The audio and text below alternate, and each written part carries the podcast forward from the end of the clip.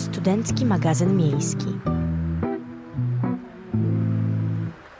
Cześć, witajcie. To jest Studencki Magazyn Miejski. Teraz w piątek, bo zmieniła nam się ramówka.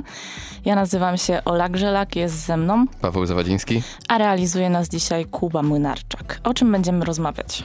O, dusza, dzisiaj dosyć jest Tak, mamy dzisiaj tego. dosyć e, napięty grafik, jeśli chodzi o, o Tak. tutaj nasze plany SMM-owe. Tak, no z racji tego, że dzisiaj mamy w sumie Dzień Nauczyciela, czyli tak, Tak. naprawdę dzisiaj najważniejsze święto. Potocznie mówiąc, czyli e, Dzień Edukacji Narodowej. Tak jest. E, No to może troszkę później, ale możemy trochę zdradzić, że będzie z nami gość, ale Otóż to będzie z nami gość. Możemy zdradzić, Tak? No jakiej, okej. jakiej to będzie, jakiego charakteru gość. E, związany właśnie ze świętem e, będzie to pani Agnieszka Jankowiak-Majik, e, która działa w internecie pod pseudonimem Babka od Histy. Jest ona nauczycielką historii i WOS-u, aktywistką edukacyjną, tutorką, trenerką i publicystką. Em, zajmuje się również wieloma innymi rzeczami, działa w sferze publicznej, e, współprowadzi różne akcje, ale o tym e, dowiecie się już z rozmowy, która odbędzie się w okolicach godziny 17.30. Co jeszcze dzisiaj mamy, Paweł? Mamy dzisiaj jeszcze nietypowe święta. Porozmawiamy sobie o Światowym Dniu Jaja Tak jest. i o Światowym Dniu Normalizacji. I powiemy wam co nieco o tym, jak możecie spędzić najbliższe dni w Poznaniu, a to wszystko już za chwilę. Pewne rzeczy się zmieniają, ale niektóre też są stałe i możemy powiedzieć to właśnie o, o czytaniu właśnie imienin. Dlatego może sobie po prostu powiedzmy, kto dzisiaj te imieniny obchodzi. Tak, e, ja zacznę, możemy się wymieniać i, i ja, ja lubię, e, zawsze to proponuję współprowadzącym, żeby spróbować to zrobić jak najszybciej, ponieważ są one niektóre takie dosyć nietypowe. Dobra, Alan, Dominik, Fortunata, Bernard, Berna... Burhard, Donacjon, Fortunat, Gaja, Gajusz, Gaudentiusz, Gaudenty, Gwendalina, Just, Kalixt, Małgorzata, pa Paraskewa, Rustyk, Rustyka. Witalia. Trzeba powiedzieć, że tutaj dosyć y, spora część tych imion jest takich egzotycznych, takie co ja właściwie pierwszy raz na oczy widzę. Tak, bardzo nietypowe. Masz może jakieś swoje ulubione? E, mam Just, bo nie wiem, czy to przeczytać Just po angielsku, czy może Just jak po polsku. Ja się zgodzę, tak. To jest tutaj najciekawsze imię w dzisiejszym zestawieniu, moim zdaniem. Ale Burhard też był dla mnie dosyć sporym wyzwa- wyzwaniem. No, zdecydowanie też. No. Tak. E, przysłowie dzisiejsze, jakie mamy, Pawle? Gdy październik cię podtrzyma, zwykle mroźna bywa zima. No i tu wydaje mi się, że to jest prawda. E, tak? Tak, w tamtym roku było tak na pewno. A to wiesz co, ja bym, bym wolał, żeby jednak ten październik był troszkę zimniejszy, żeby zima była cieplejsza, bo wiesz, zima trwa parę miesięcy, a październik jest jeden. Prawda. No. Widzicie, wi- słuchacze, jakie tutaj dzisiaj mądre sentencje płyną. Dobra. E, tak E, jeszcze zapo- zapomnieliśmy e, wspomnieć o tym, że e, pojawi się materiał autorstwa Julii Czekalskiej. E, będzie to relacja z Piątego Forum Zdrowia Psychicznego, także wyczekujcie. I możemy przejść do nietypowych świąt. Tak. E, to na początek może faktycznie dzień normalizacji. Tak, mamy dzisiaj Światowy Dzień Normalizacji. E, rozmawialiśmy na e, tutaj za anteniu, że oboje e, widząc tą nazwę źle ją zinterpretowaliśmy. Paweł myślał, że jest to termin z zakresu montowania dźwięku. Ja z kolei myślałam, że chodzi o normalizowanie rzeczy, ale nie. Światowy Dzień Normalizacji to okazja, aby docenić pracę tysięcy ekspertów z całego świata tworzących normy międzynarodowe. Doceniamy. Doceniamy. Wysyłamy docenienie na cały świat. Tak. E, tak, ale co do ciekawszych rzeczy, mamy dzisiaj również Światowy Dzień Jaja. I O. tutaj ustaliliśmy sobie wspólnie, że chcielibyśmy zacząć od pozdrowień. Tak, chciałem pozdrowić Marcela Kędziorę, znanego również jako Jajo, a wszystko się wzięło właściwie z ich e, bloku mm, na YouTubie, który nazywał się Kopa Banana, ale byli nazywani też właśnie Mikołaj e, Nowaczyk i Marcel Kędziora, Baja Jajo. I na początku było tak, że mm, Marcel to właśnie był Bajem, a Jajo to był e, Mikołaj Nowaczyk, ale zmieniło się to po czasie i to ostatecznie Marcel został Jajem, dlatego serdeczne pozdrowienia Marcel. Tak, e, ślemy buziaki i zapraszamy na kanał Meteorexę. Dowiedzcie się, jak to wszystko wyglądało. I przechodzimy do kolejnego święta, e, właśnie Światowego Dnia Jaja. Już po pozdrowieniach możemy wam przedstawić trochę ciekawostek, które przygotowaliśmy. Tak. I to, co mi się tutaj na- najbardziej chyba spodobało, to właśnie ze strusiem jajem, że jajo mierzy około 10 cm, to sobie można było się spodziewać, bo są praktycznie największe, ale to, że trzeba je gotować 2,5 godziny, to wywarło na, na mnie duże wrażenie, no. Tak, spojrzałam na tą liczbę, tylko pytanie, czy to jajo ugotowane, rozumiesz, 2,5 godziny pilnowania. No dobra, może nie trzeba jakiegoś tutaj wielkiego skupienia przy pilnowaniu gotującego się jaja, ale jednak przydałoby się na nie zerkać. Dwie i pół godziny przyrządzania. I czy to jajo, myślisz, jest w smaku tak dobre, żeby było warte tych dwóch i pół godziny? No, ciężko powiedzieć w sumie. Może faktycznie jakieś te większe jaja mają le lepszą wartość spożywczą. Słuchacze, jeśli y, próbowaliście kiedyś strusiego jaja, napiszcie do nas. My przekażemy to na antenie. No myślę, że, Jesteśmy bardzo ciekawi. Myślę, że jakbym miał sobie coś innego ugotować i trwałoby to dwie i pół godziny, to chyba bym wybrał jakąś taką bardziej ambitną potrawę niż to samo jajo strusie. Ja myślę, że powinniśmy spróbować. Nawet dla tutaj e, kwestii naukowej przedstawienia, przedstawienia tego słuchaczom. E, ale co jeszcze? Mm, jedna kura może znieść nawet 340 jajek rocznie. Utworzenie i zniesienie jajka trwa około dobę. Wysiadując jajo, kura obraca je w gnieździe aż 50 razy na dobę. No powiem ci, że to dla mnie brzmi jak sporo roboty. Sporo? A wyobrażasz sobie mieć na przykład 10 takich kur i nagle patrzysz, a tam masz prawie 3,5 tysiąca jajek w ciągu roku. I co z tym, co z tym zrobić? Niesamowite. No. no. Czy jesz je też w trakcie, nie? Chyba, że no zbierasz. Tak, ale no chyba nie zjem 3,5 tysiąca jajek w ciągu roku. Ja też się zastanawiam, jak to jest ze spaniem tej kury.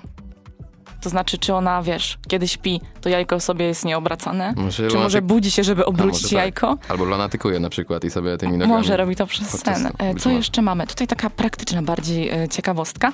Aby jajka zachowały świeżość na dłużej, należy je przechowywać ustawione czubkiem do góry. To właśnie w szerszym końcu jajka gromadzi się tlen, który przenika do białka i żółtka, a powoduje to szybsze psucie się produktu.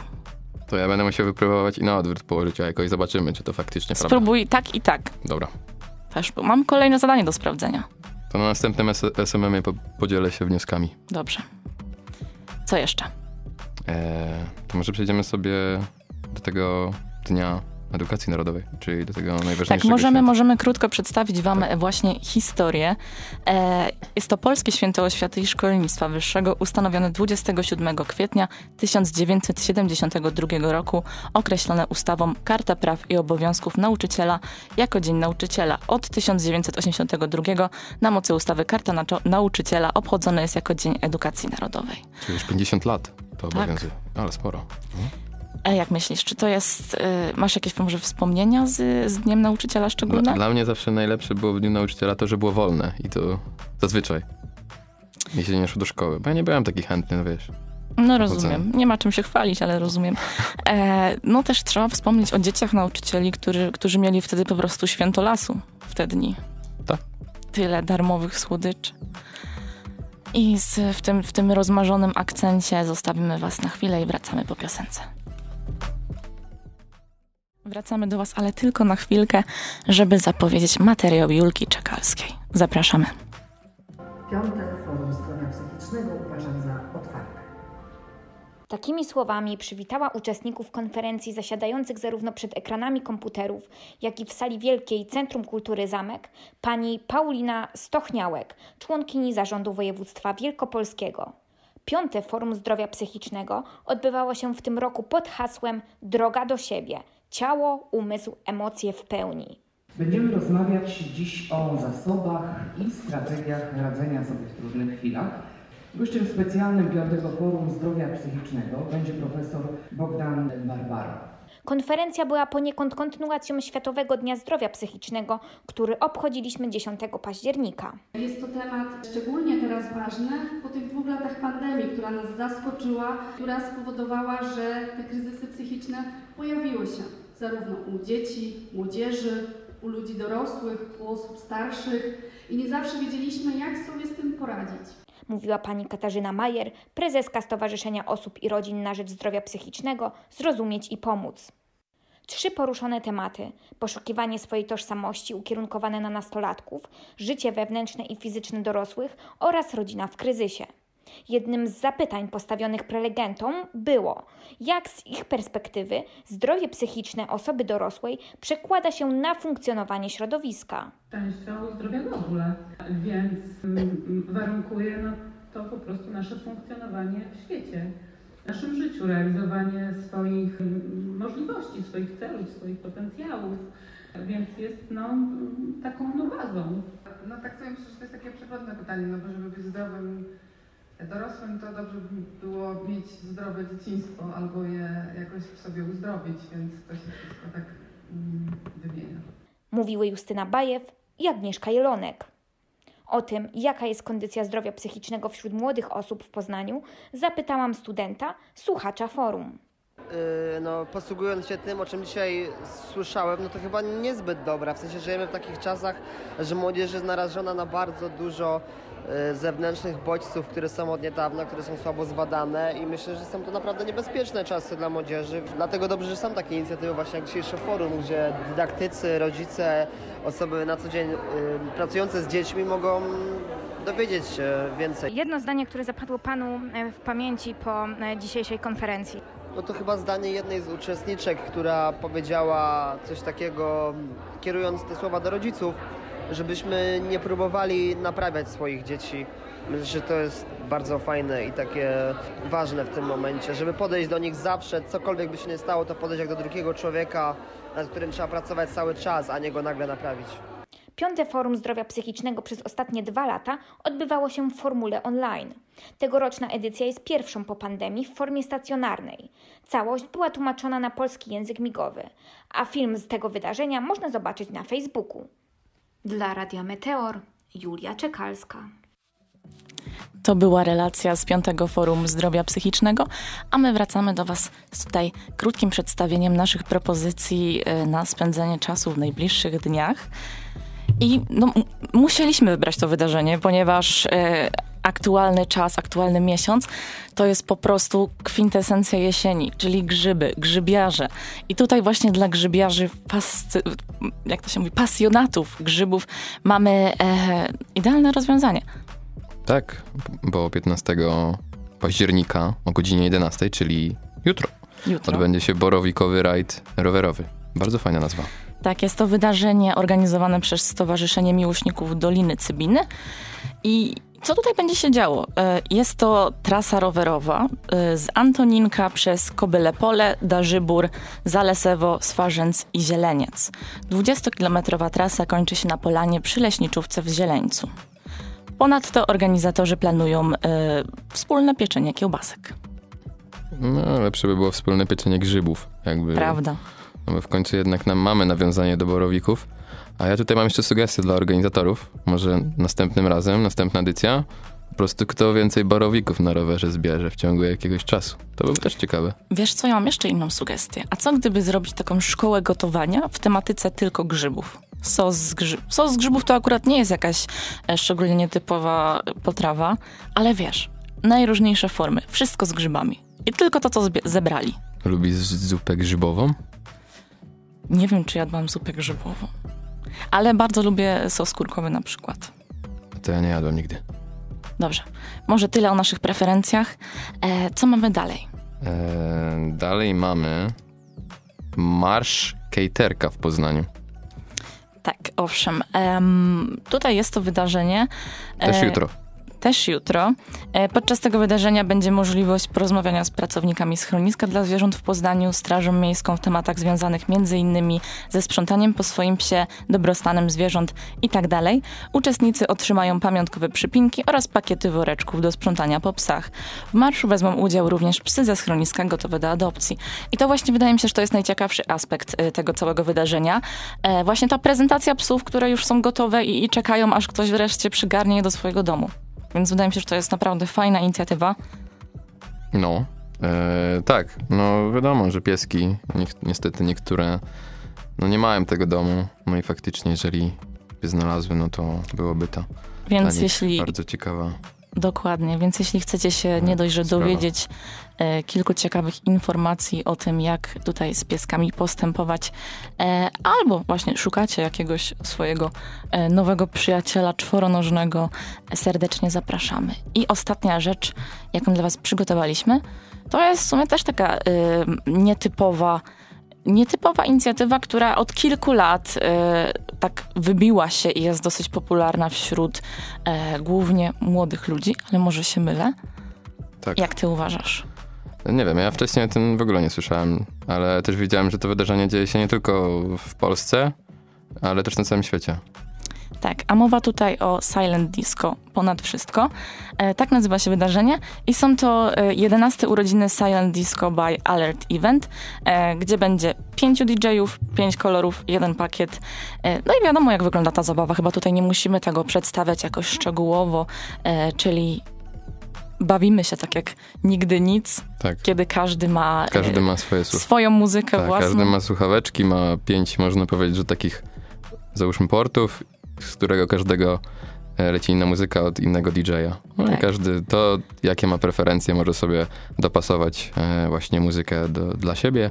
No i bawić się po, po części samemu, ale też z innymi. Dobrze powiedziane. E, Wydaje mi się, że to jest fajna opcja dla osób, które nie czują rytmu, bo cała reszta, albo chociaż te osoby, które są na innych kanałach, tego po prostu nie zobaczą. Także taka Tak. polecajka od nas. Zostawiamy Was na chwilę i wracamy już z naszym gościem. Jesteśmy z powrotem, ale już nie sami, bo z naszym gościem. Dzień dobry. Dzień dobry. Tak, jest z nami e, Agnieszka Jankowiak-Majik, e, występująca w internecie głównie pod pseudonimem Babka od Histy. E, jesteś nauczycielką historii i WOS-u, aktywistką edukacyjną, tutorką, trenerką i publicystką. Długo wymieniać. E, domyślamy się, że pani tutaj e, naprawdę aktywne życie prowadzi, jeśli chodzi o tą tematykę, ale może zacznijmy sobie tak od początku. Dlaczego kariera nauczycielska? Ja nauczycielstwo wyssałam z mlekiem matki, przysłowiowo, e, ponieważ e, moi rodzice są nauczycielami e, i ja się wychowywałam w takim domu, w którym przez nawet dobrych mm, kilka lat myślałam, że nie ma innych zawodów, bo wszyscy przyjaciele, znajomi moich rodziców to byli też nauczyciele. Ja jako dzieciak jeździłam na wycieczki z moją mamą i z jej klasami, a więc jakoś tak nasiąkałam tą atmosferą, ale też lubię podkreślać to, że ja się wywodzę z takiego domu, który ma, mm, miał i ma bardzo wysoki taki kapitał kulturowy, to znaczy U mnie w domu zawsze były tysiące książek, u mnie się zawsze rozmawiało na bardzo różne tematy polityczne, kulturalne, mm, ważne, bieżące i tak dalej. I miałam takie poczucie w ogóle, że to jest normalne. To potem szybko się okazało, że nie jest. I, ale miałam takie poczucie, że, że tak należy w ogóle z dzieckiem rozmawiać. Miałam też dużo em, wolności, dużo zaufania. E, Jakoś tak tym, tym nasiąkałam. Potem się zastanawiałam, e, co robić, e, kiedy już bardziej świadomie podejmowałam decyzje, bo jako dzieciak to sadzałam podobno moją siostrę na krzesełku i jej tam tłumaczyłam e, złożone zjawiska i tak dalej, czyli gdzieś tam e, naśladowałam pewnie mamę przede wszystkim. No a e, jako studentka, mm, czy jeszcze w zasadzie licealistka, zastanawiałam się nad dwoma karierami, że tak powiem, jeżeli w ogóle w kontekście edukacji można mówić o karierze. Myślałam, żeby zostać dziennikarką albo właśnie nauczycielką i nie dostałam się na studia politologiczne, a miałam wówczas, to było bardzo dawno temu, bo ja mam prawie 40 lat, że tylko w ten sposób mogę zostać dziennikarką, jak skończę politologię. To są w ogóle takie mity, którymi gdzieś tam się nas karmi. Też ten taki paradygmat się mocno dzisiaj e, zmienił. Ale chyba na szczęście tak się stało, że się na, na tą politologię nie dostałam. Dostałam się na historię. E, wybrałam e, oczywiście tą ścieżkę pedagogiczną i po pierwszych praktykach już wiedziałam, że to jest to, mm, te dziennikarskie moje jakieś ambicje e, kilka lat później też zaczęłam realizować, więc gdzieś tam udaje mi się to spiąć. Wreszcie mi się to wszystko spięło. Tak, e, no właśnie wspomniałaś o tych e, realizacjach dziennikarskich i tutaj też mi się nasunęło pytanie, bo e, prowadzisz social media, które też są związane z dziennikarstwem, Mhm. też stronę internetową i tutaj moje pytanie, skąd w ogóle pomysł na stworzenie fanpage'a na Facebooku? Znowu trochę przez przypadek, jak to w życiu bywa, z tymi najfajniejszymi pewnie projektami. Nie wiem, czy też tak macie, ale em, mnie strasznie nakręcali uczniowie i uczennice, bo już e, widzieli, że edukacja zaczyna wkraczać w social media. Ja założyłam swoją stronę na Facebooku w 2017 roku, em, więc już parę lat temu, Em, ale już było trochę różnych kanałów, tak, które, które się zajmowały edukacją i oni tak właśnie mówili, a pani by się nadawała do neta. I stwierdziłam, że w sumie czemu nie, chociaż nie miałam takiej motywacji, że ja idę typowo z edukacją, to znaczy, że to będą kanały, w których ja będę na przykład, e, nie wiem, uczyć historii, czy uczyć jak się uczyć i tak dalej, tylko raczej chciałam pokazywać e, taką, taki pozytywny wizerunek nauczycielki, bo w Polsce z nauczycielstwem mamy problem. Różne władze, że tak powiem, oględnie nas nie lubią, nie tylko jest to bieżąca sytuacja, ale, ale gdzieś tam mam wrażenie, że, że źle się dzieje w edukacji od 89 roku, że ona no, jest zaniedbana mocno, może tak w skrócie. E, I chciałam pokazać, że my jesteśmy normalnymi ludźmi, że my mamy swoje pasje, że w ogóle robimy fajne rzeczy z dzieciakami, bo ja robiłam, miałam takie poczucie, że robię fajne rzeczy, że ja mam z tego satysfakcję, widziałam, że satysfakcję czerpią moje dzieciaki, tak mówię o moich licealistach i licealistkach e, z czułością, a nie z wyższością dzieciaki e, i że może warto to pokazać. I wrzucałam tam trochę jakichś dobrych praktyk, trochę pisałam o tym, co, co robię też poza, poza lekcjami. No i to się wszystko bardzo zmieniło w 2019 roku, kiedy zaczął się strajk nauczycielski, bo ja przed strajkiem zaczęłam też na fali takiego, takiej frustracji, wkurzania e, publikować takie treści bardziej związane z realiami pracy. Mm, więc podsumowywałam godziny e, pracy nauczycielskiej po to, żeby pokazać, że te 18 godzin to jest w ogóle jakaś bzdura. E, jak naprawdę wygląda ta praca. Mm, e, podsumowywałam pensje nauczycielskie, bo bardzo dużo jest dezinformacji w tej sprawie. Potem, czyli tak aktywistycznie bardziej też mhm. zaczęłam działać, trochę społecznie, trochę aktywistycznie, trochę niektórzy mówią politycznie, no ale dla mnie wszystko generalnie jest polityczne, całe nasze życie jest polityczne, więc nie będę się bronić, tak, trochę politycznie. Jak to okrzep ciepło, to stwierdziłam, że właśnie może trochę więcej edukacji, trochę recenzuję książek. E, teraz weszłam na TikToka kilka miesięcy temu i na tym TikToku już robię typową edukację e, historyczną właśnie, a w zasadzie historyczną, pewnie o tym pogadamy. E, no i tak się jakoś tam e, kręci. I bardzo się zmieniło na pewno to, co ja robię. E, na pewno bardzo się sprofesjonalizowałam przez te wszystkie lata, ale nadal mam e, serducho do tego. Rozumiem. Wspomniałaś właśnie o strajkach nauczycieli. Z tego, jak, co się orientuje, akcja, którą współ współtworzyłaś, e, czyli Narada Obywatelska o Edukacji, e, była z tym związana. Mogłabyś opowiedzieć naszym słuchaczom, na czym polegała ta akcja i jakie skutki przyniosła? E, tak, jasne. To w ogóle jestem bardzo dumna z tej akcji. To znaczy, to jest takie moje działanie, jedno z największych, najbardziej długotrwałych i z bardzo widocznym efektem. I to jest też super, bo jak się działa aktywistycznie, to czasami jest tak, że się człowiek pali, pali, pali, spala, spala, spala i nie ma efektu, tak? A, a tutaj efekt mamy. To były takie konsultacje społeczne, które zorganizowaliśmy w kilkanaście osób, ale potem w ogóle dołączyły dziesiątki ludzi i też instytucji, organizacji różnych wspierających. I jakby inicjatywa ruszyła na krótko przed strajkiem, bo to, to był w ogóle taki czas, przełom e, tego roku 2018-19 był bardzo gorący. To znaczy dużo się mówiło właśnie o tej pracy nauczycielskiej, o tych problemach polskiej edukacji, bo jakby problemem nie jest tylko to, że nauczyciele mało zarabiają. To jest jeden z głównych problemów, ale tych problemów edukacji jest dużo, dużo więcej. Pewnie wiecie też o tym doskonale, albo dobrze pamiętacie e, szkołę, którą pewnie kończyliście parę lat temu, tak? Ale ta szkoła się nie zmienia, odkąd kiedy ja ją kończyłam e, systemowo i to jest tra tragedia wielka, więc stwierdziliśmy, że robimy konsultacje społeczne. E, bo konsultacji społecznych w dziedzinie edukacji się nie robi w Polsce, albo robi się je bardzo elitarnie, w bardzo wąskim gronie. Edukacja powinna być demokratyczna i dostępna. E, I takie konsultacje zrobiliśmy, to znaczy mm, taką metodą World Cafe, to jest taka technika kawiarnianej atmosfery albo światowej kawiarenki. siedzi się w kółku i się po prostu gada z moderatorem, każdy jest wysłuchany, każdy może się wypowiedzieć, nieważne kim jesteś, e, co jest świetne zbiera się różne wnioski. I tą metodą przeprowadziliśmy konsultacje w całej Polsce.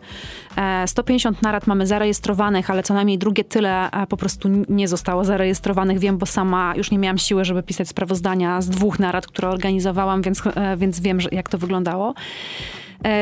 Było pięć takich kluczowych tematów, jak powinno, jak jest, tak? Robiliśmy diagnozę i jak uważamy, że powinno być. Łącznie osób, które wzięły udział w tych naradach już jest prawie pięć tysięcy, też oficjalnie, a nieoficjalnie podejrzewam, że może być właśnie dwa razy tyle. E, no i ten efekt finalny jest taki, że powstał z tego bardzo duży raport. Jeden z najlepszych raportów o stanie edukacji e, w Polsce. E, no właśnie pod tą nazwą, Narada Obywatelska Edukacji i ten raport profesjonalnie nam opracowała Pracownia Badań i Innowacji Społecznych Stocznia. I te wnioski, mimo że nałożyły się nowe problemy typu pandemia, typu wojna, typu e, kryzys taki psychiczny, tak, który, teraz e, bardzo obserwujemy wśród młodych ludzi, to jakby wnioski z tamtych e, konsultacji są wciąż aktualne. To jest wciąż świetny materiał, takie mięcho, z którego mogą korzystać na przykład partie polityczne. Myśmy to rozesłali do samorządów, partii politycznych i tak dalej. Jakby partia rządząca w ogóle nie jest zainteresowana, ale na opozycji zaczynają mówić naszym językiem, więc hej, będzie dobrze. Cieszymy się bardzo, że przyniosło to jakiś pozytywny skutek i na pewno e, poinformowanie społeczeństwa, jak to tak naprawdę wygląda. E, kolejną ciekawą akcją, którą pani nagłośniła jest hashtag Czarnek Challenge. E, chcielibyśmy usłyszeć, jakie działania ministra edukacji i nauki sprawiły, że stwierdziła pani dosyć, trzeba zacząć działać i podjąć ten temat. O, mamy godzinkę. E, jest tego dużo. E, to jest akcja, którą w ogóle ja wymyśliłam, ale wymyśliłam też przypadkiem, ponieważ e, był zaplanowany bardzo duży protest w Warszawie. To było jakoś latem, już dokładnie nie pamiętam. Jak większość reform w Polsce wymyślona na kolanie reforma miała, została ogłoszona pod koniec roku szkolnego, czyli wtedy, kiedy wszyscy w ogóle po tym roku właśnie, najpierw te pandemiczne lata, potem, potem no nie, wtedy wojny jeszcze nie było i aż a, zawsze ciarki, jak gdzieś tam myślę o tym, e, że to się dzieje, tak, że to jest tu i teraz. No w każdym razie to był ten trudny rok taki mm, pandemiczny i pod koniec roku szkolnego, podobnie jak kiedyś minister Zalewska, ogłasza się, że będzie reforma i to nie reforma, a totalna deforma, e, mająca na celu e, centralizację edukacji. To jest coś, co jakby fundamentalnie e, jest wbrew idei edukacji i, w, i wbrew idei demokracji, bo mm, zgodnie z konstytucją my się decentralizujemy, prawda? A nie chodzi o to, żeby żeby teraz jakby jedna osoba złapała w łapy, nie wiem, edukację i nią zarządzała, sterowała odgórnie. To było tak zwane Lex Czarnek, tak miało to wejść e, w życie. Chodziło o to, żeby zwiększyć rolę e, kuratorów oświaty, którzy dzisiaj są takim organem, który no, może doradzać, pomagać, trochę kontrolować, trochę zalecać, czyli pełni taką funkcję pomocniczą, tak jak właśnie to powinno wyglądać. E, no i kuratoria miały dostać bardzo duże mm, uprawnienia. A problem polega na tym, że akurat kuratorzy e, oświaty są powoływani partyjnie, e, więc e, jakby to wszystko gdzieś tam się spięło, tak? Tam straszono strasznie dyrektorów e, e, taką, takim przyspieszonym sposobem na to, żeby się ich pozbyć, co jest e, ryzykowne w świecie, w którym ludzie nie chcą być dyrektorami i dyrektorkami szkół, bo to się po prostu nie opłaca. W tej chwili jest też dosyć duży deficyt, jeśli chodzi o te stanowiska. czyli no, uderzyć po prostu, tak? W, w tą edukację po to, żeby ona stała się jeszcze bardziej partyjna. No i na to zgody, wiadomo, być nie może. No ale czas był taki nieszczególny, tak? No bo koniec roku wszyscy zmęczeni, już nikomu, już w ogóle ludzie nie chcą protestować, już mam dosyć. E, są bardzo zmęczeni. Ile można być jakby reaktywnie w proteście, nie? Od, od tego 2019 roku ja mam wrażenie, że my ciągle jesteśmy w proteście. To jest strasznie wyczerpujące. E, no ale jednocześnie nie można było pozwolić, żeby to przeszło bokiem. I wtedy e, takie organizacje, powiedziałabym czołowe, które dzisiaj się zajmują nagłaśnianiem tego typu spraw, typu e, protest z wykrzyknikiem, czy taka inicjatywa, która później powstała Wolna Szkoła, która zrzesza mnóstwo różnych organizacji, e, chciały zrobić pikietę dużą w Warszawie, a ja wówczas miałam roczne dziecko, e, był straszny upał i stwierdziłam, że ja nie jestem w stanie do tej Warszawy pojechać po prostu.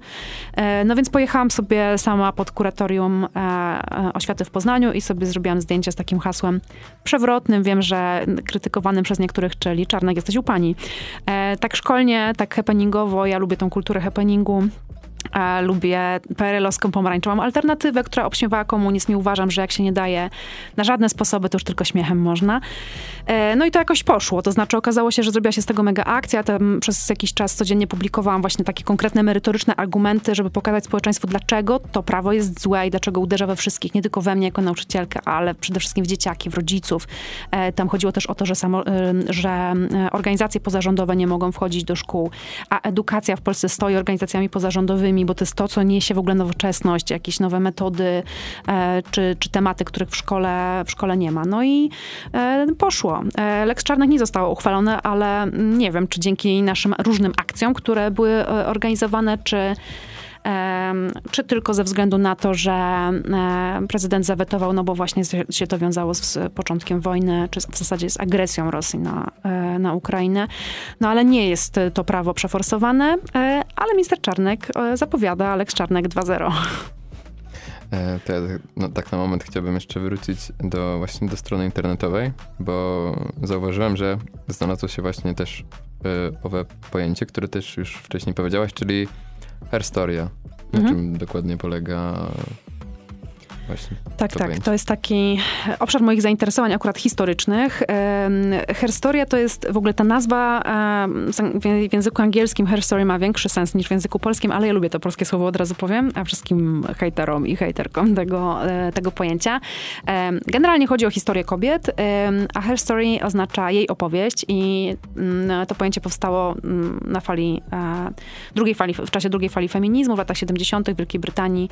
E, Między innymi tamte feministki zwróciły uwagę, że historia jest pisana z męskiej perspektywy, więc z- zrobiły taką grę słów, tak? Bo słowo historia oczywiście nie oznacza history, czyli jego opowieść oznacza, jest jakby z greki i tak dalej, to wszystko wiemy, e, ale jednak e, jest bardzo męskocentryczna, jest mocno patriarchalna, e, nie uwzględnia w ogóle żadnych mniejszości praktycznie. Nagle się okazało, że historia polityczna i historia wojskowa to jest synonim słowa historia, tak? A te kobiety w ogóle tam giną, a są potrzebne, jak, jak każdy potrzebuje jakiejś reprezentacji. Tak samo, nie wiem, różne grupy, e, nazwijmy to mniejszościowe, choć ja nie lubię tego określenia mniejszościowe. No różne grupy, jesteśmy bardzo różni jako społeczeństwo i każdy powinien mieć swój głos. E, Ja uważam, że kobiety również, no i dlatego gdzieś tam o tą historię em, walczę, zwłaszcza, że jej bardzo brakuje w podręcznikach. Z badań wynika, że w 10% max to są postaci kobiece w podręcznikach do historii, ale, da, ale z tego, z tych 10, 8 to są fikcyjne. E, Boginie, jakieś alegorie i, i Matka Boska najczęstsza postać, która pos- występuje w podręcznikach do historii. A było Jasne. super dużo kobiet fajnych. Jasne. E, Kiedy już jesteśmy przy tym innym spojrzeniu na e, historię, jest Pani również autorką książki Historia, której nie było i o to właśnie zapytamy Panią po krótkiej przerwie. E, Rozpoczęliśmy właśnie temat o właśnie twojej książce, historia, której nie było. Mhm.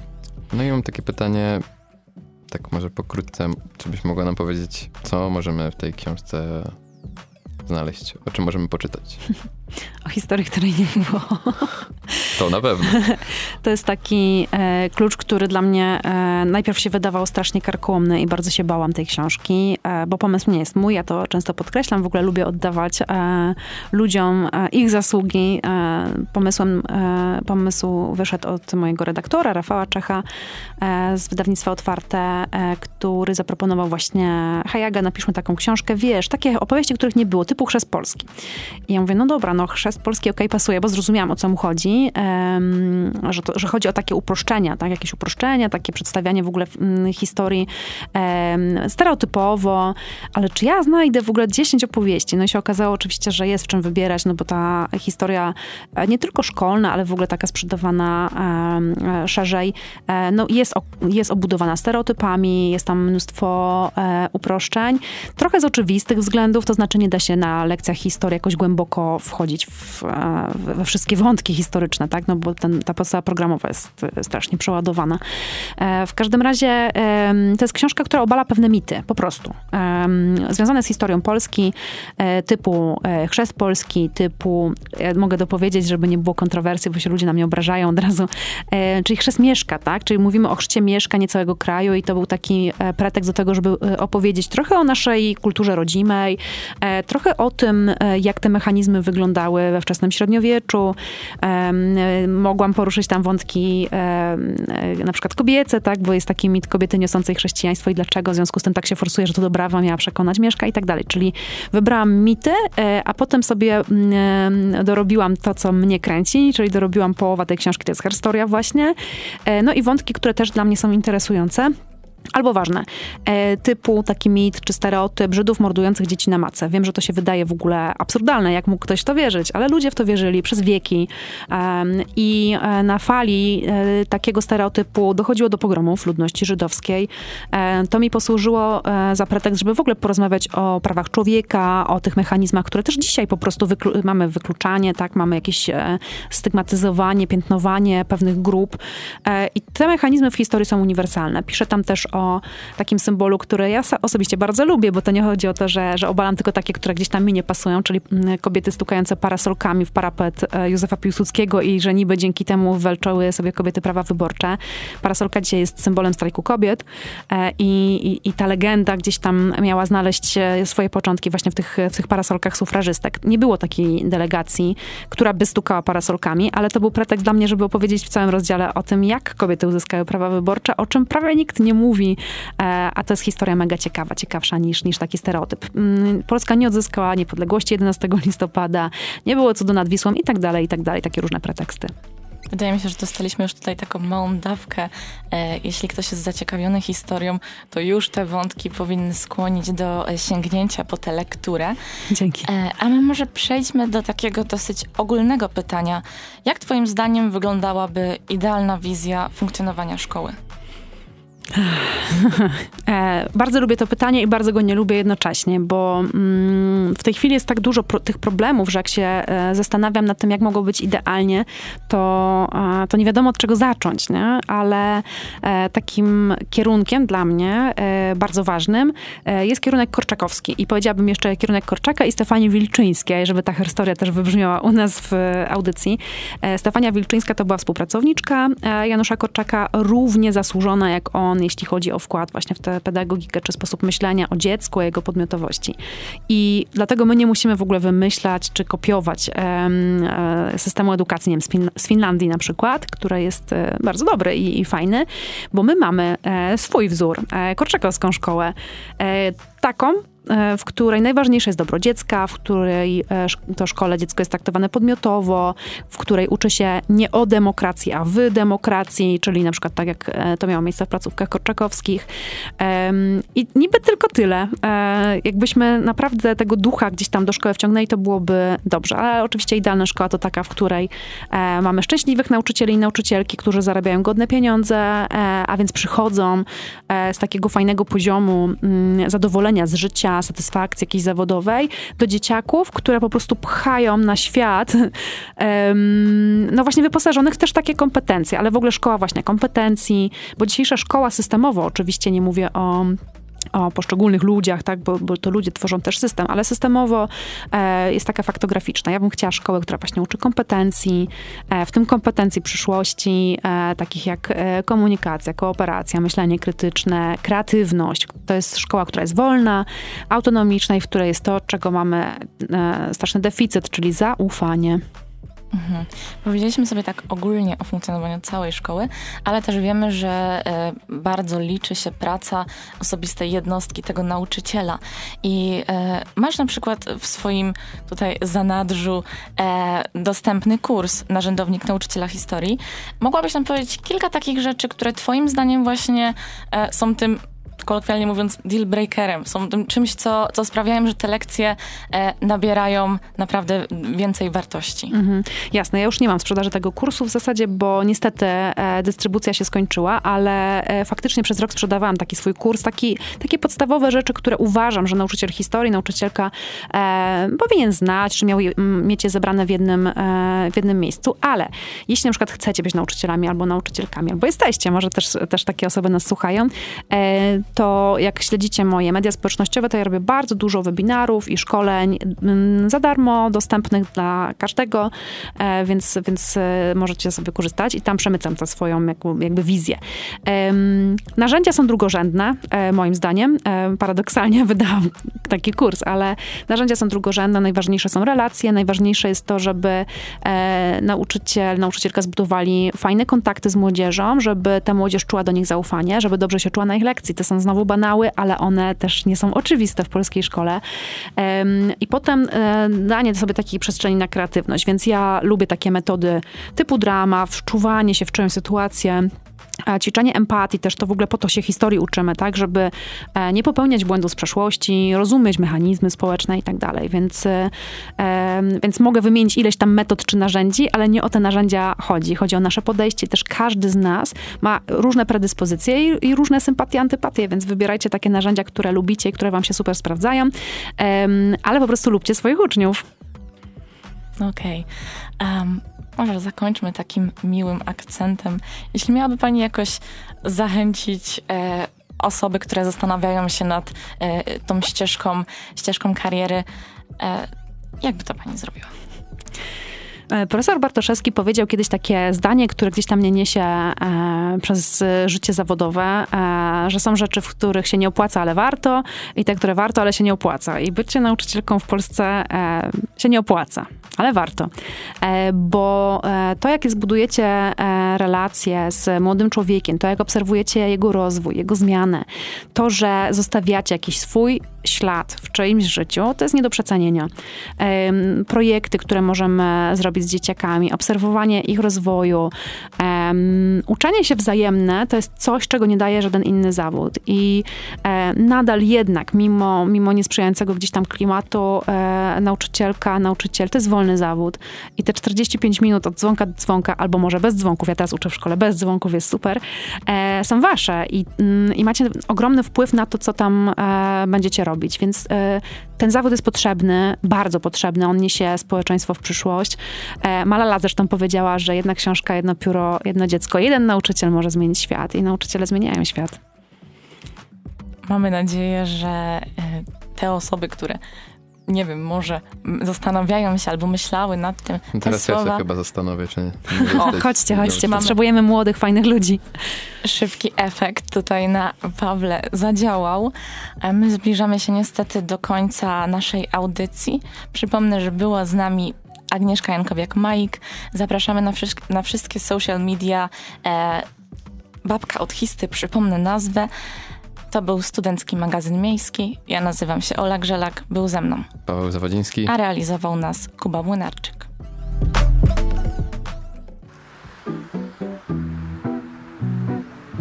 Studencki Magazyn Miejski.